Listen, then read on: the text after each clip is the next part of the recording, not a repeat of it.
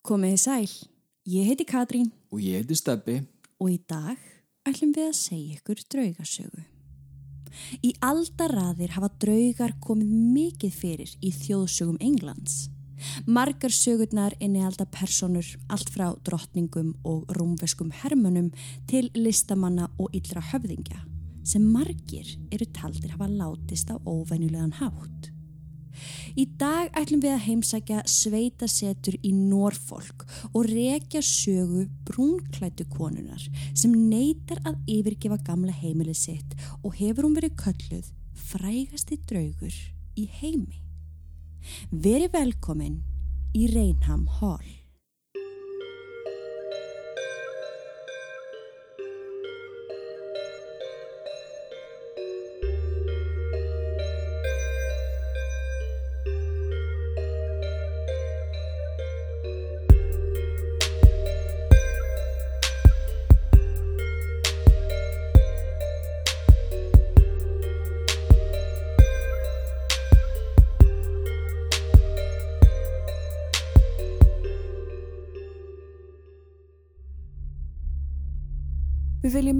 Að draugasögurnar okkar eru ekki við hæfi barna yngre en 13 ára nema með leiði fullorna.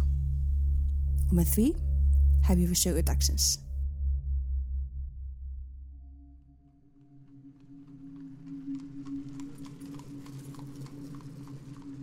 Reynham Hall hefur verið kallað sveitasetur þó að það líti frekar út fyrir að vera höll og það hefur verið í eigu Townsend fjölskyldunar í 400 ár Vá. og er ennþá núna árið 2021 í eigu þeirra.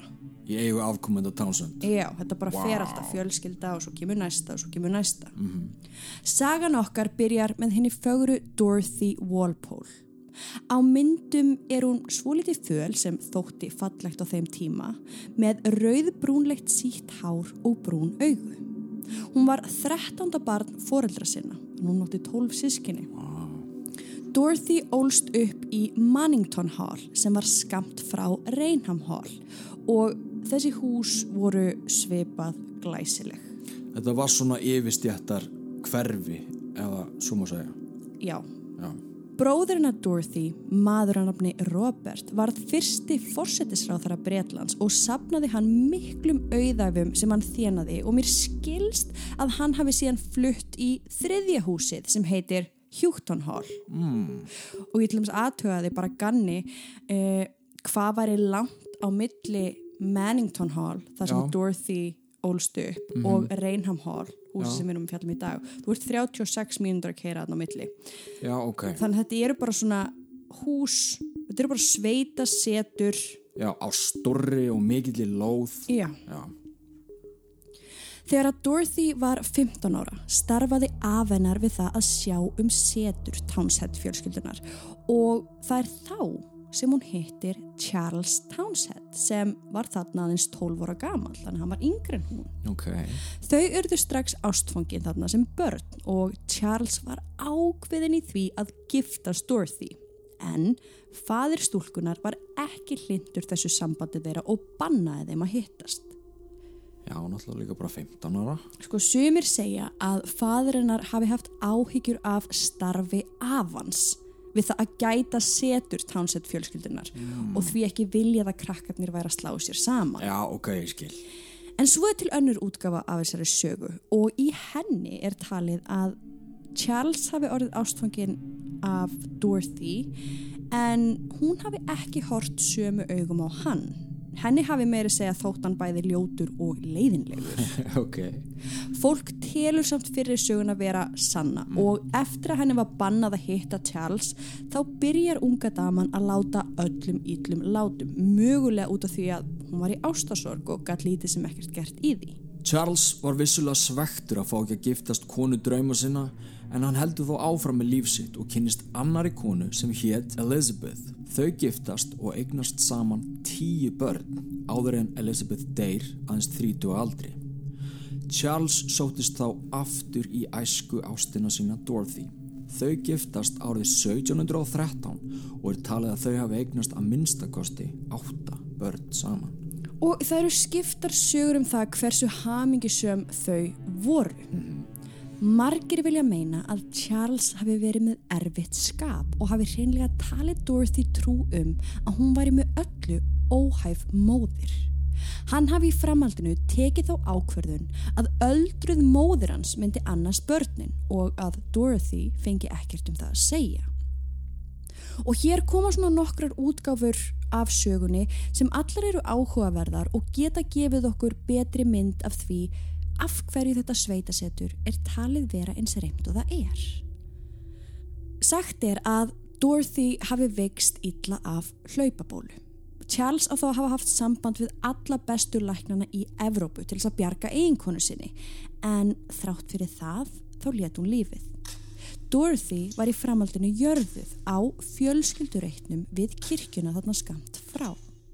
Fljótlega fóru samt sögur að ganga um að Dorothy kvildi ekki í friði. Fólki fór að gruna að hún hafa aldrei verið jörðuð og að hún hafi ekki látist af hlaupabólu sem hún fekk skindilega. Og þá kemur hinvangurinn. Mm. Fólku vissi að Charles kom ekki vel fram við Dorothy í hjónabandinu. Á einhverjum tímapunkti sagaðan hana um framhjáhald og sagan segir að eftir það hafa hann ákveðið að læsa hana inn í herbergi. Þar hafa hún svo dáður hungri eða mögulega hafi Charles að lokum fengið nóg og hrindinni niður tröppunar og þannig hafa hún látið lífið. En sama hvað fólk heldur þá stendur á dánarvottorðinu hennar að hún hafi látist 29. mars 1726 úr hlaupapólu. Já, það stendur bara á dánarvottorðinu. Já. Ok. En það er alveg hægt að sjá svona í gegnum þessar sögur að Charles var vondur eða hann var ekki góður. Mm -hmm. Hann var það ekki og, og, og þó að þetta standi á dánavottorðinu þetta gefur okkur samt ekki alveg alla sögun og ef við hugsa meira þess að bara í dag ég menna mm -hmm. í dag er oft meira þess að skrifa eitthvað á dánavottorðið sem er ekki alveg satt. Er rétt, já. Þannig á þessum tíma, við erum að tala um 1700 og eitthvað, já. hann í rauninni getur bara sagt heyrðu hún dó úr þessu, þessu. og þá er það bara að skrifa. Já. já. Er. Þannig að sko það veit engin nákvæmlega hvernig Dorothy dó. Nei. En það kom fljóðlega í ljós að hún kvíldi ekki í friði og hefur andi hennar byrst vinnufólki húsins, tánsheld fjölskyldumæðlimum og gestum þeirra í ára raðir. Eitt sinn tóku Townsend fjölskyldan á móti mikilvægum gest í Reynheim Hall, George Fjörða og fekk hann að sjálfsög eitt fínasta herbergi í húsinu en það átti ekki eftir að enda vel. Um miðjanóttina vaknar hann upp og gengur bersesgang um húsið brjálaður yfir því að hann hafi verið vakin upp af konu klætt í brún fött með skítugt hár og föl sem draugur. Hann lýsir því fyrir fólkinu hvernig konan hafi staðið við rúmið hans og hort á hann sofa. Þegar maðurinn hafði róast aðeins gaf hann út á yfirlýsingu að hann myndi aldrei aftur sofa í þessu húsi og hann bað til Guðs að hann myndi aldrei framar sjá slíka veru er hann hafði séð þessa tilteknu nótt. Sá hefur rættur. Hann var mjög rættur.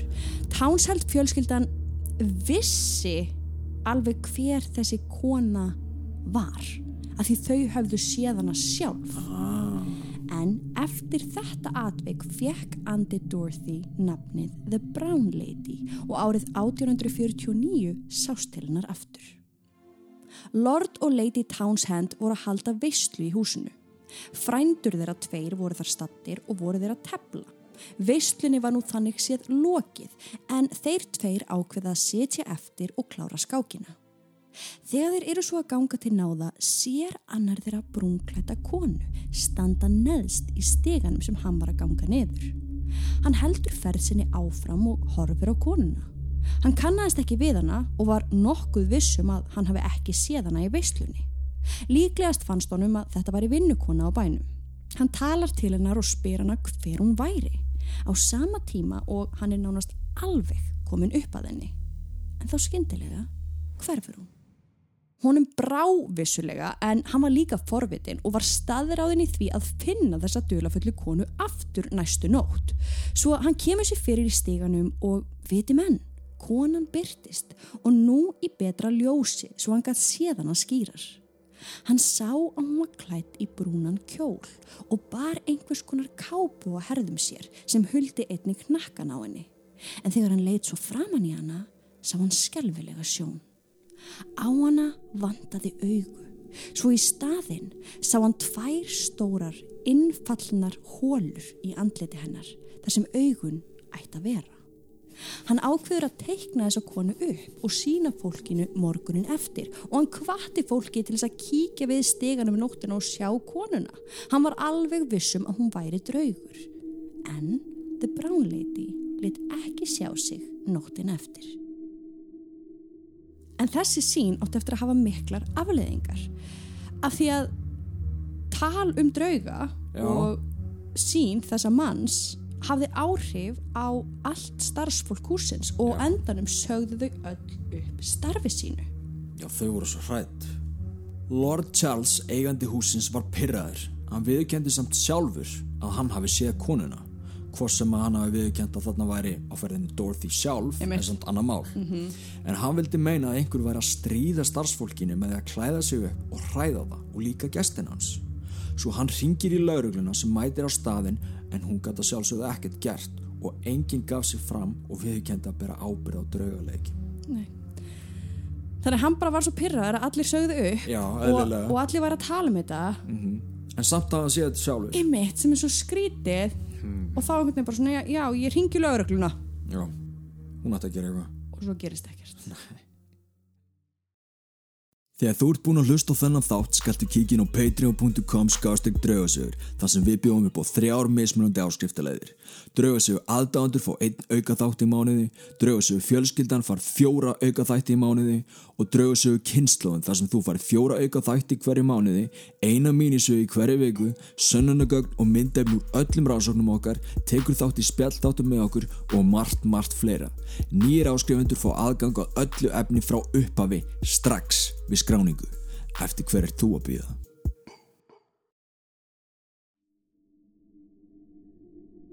Rítufundurin frægi Kaptin Marriott eitti eitt sinn nótt í reynum hal. Hann hafði vissulega heyrt talað um drauga en sjálfur trúðan ekki á svoleiðis svo hann krafðist þess að fá að sofa í svokallaða draugaherberginu. Þetta var að sjálfsög gamla herbergið hennar Dorothy og inn í því hjekk stórt málverk af henni sjálfri. Flestu mönnum hefði kannski fundist herbergið ógulegt og þá sérstaklega út af málverkinu af sjálfri Dorothy sem hjekk fyrir ofan rúmið og augun hennar sem virtust fylgja þér hvert sem þú fórst inn í herberginu. En Captain Marriott var sko engin venjulegur maður að eigin sögn. Ok. Svo hann pakkaði upp úr töskum og gerði sig kláran fyrir svepp. Þá skyndilega er bankað upp að hjá honum og fyrir utan standa tveir gestir.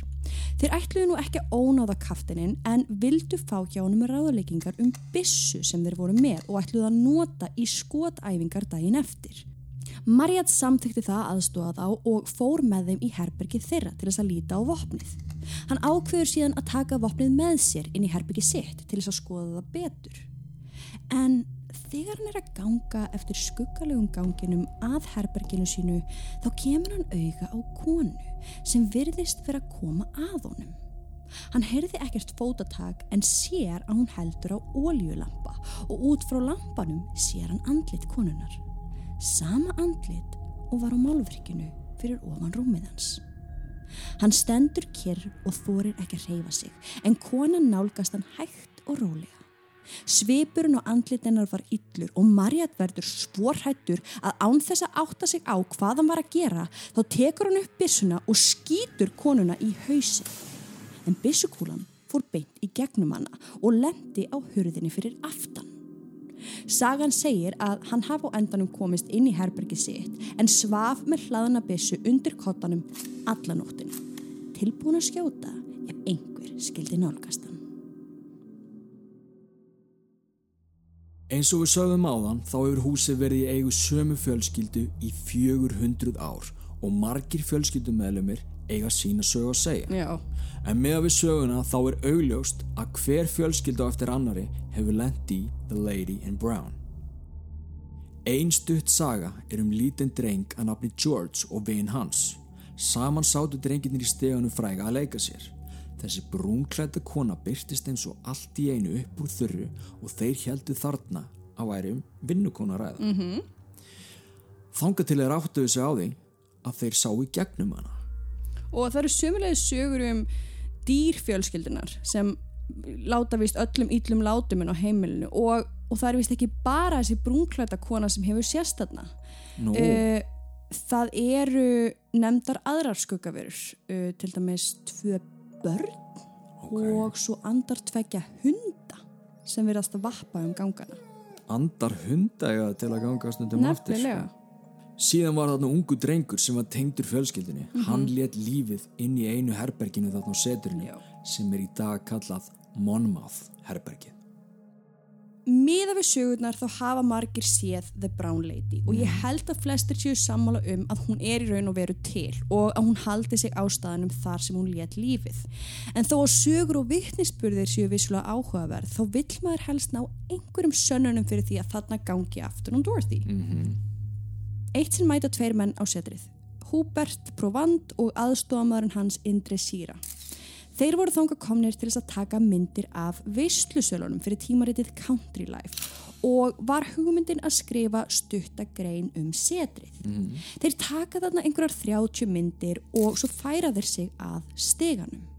Þegar að Indri aðstofamadurinn er að gera sig kláran til að taka mynd þá sér hann hvita þóku myndast í miðjum steganum. Hann kalla til Húbert og segir honum hvað hann sé að sjá. En Húbert segir honum að hætta að tala og taka mynd Já, sem hann gerir. Og sko eftir þetta já, að þá tala þeir saman og, og aðstofamörnum að segja bara ég sá þetta, ég sá þetta, ég veit ég sá þetta. En það þurfti náttúrulega að fara og framkvæmla myndirnar og gera allt svona já, þannig að þetta kom ekkert almennilega í ljós og Húbert hann var ekkert að trú honum. Nei.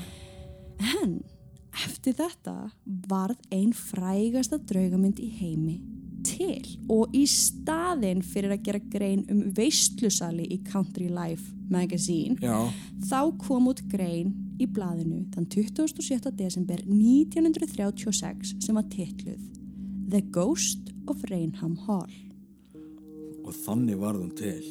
Þetta er náttúrulega einn frægasta draugamynd sem hefur verið tekin, ef ekki bara svo allra frægasta.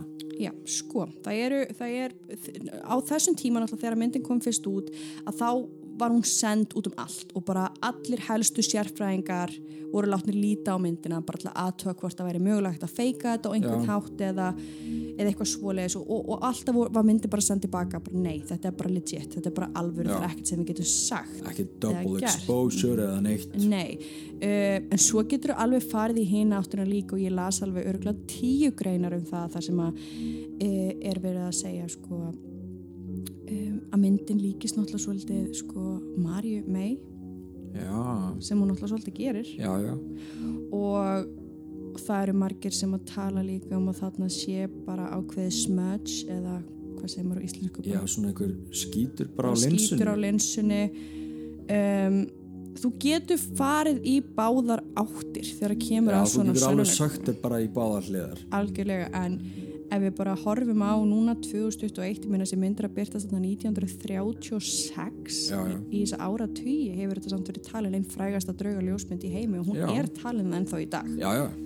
Alveg bara á nokkuð. Já, þannig að kíkið endilega á hana ef þið þekkið hann ekki bara nú þegar, það geti alveg verið Mhm.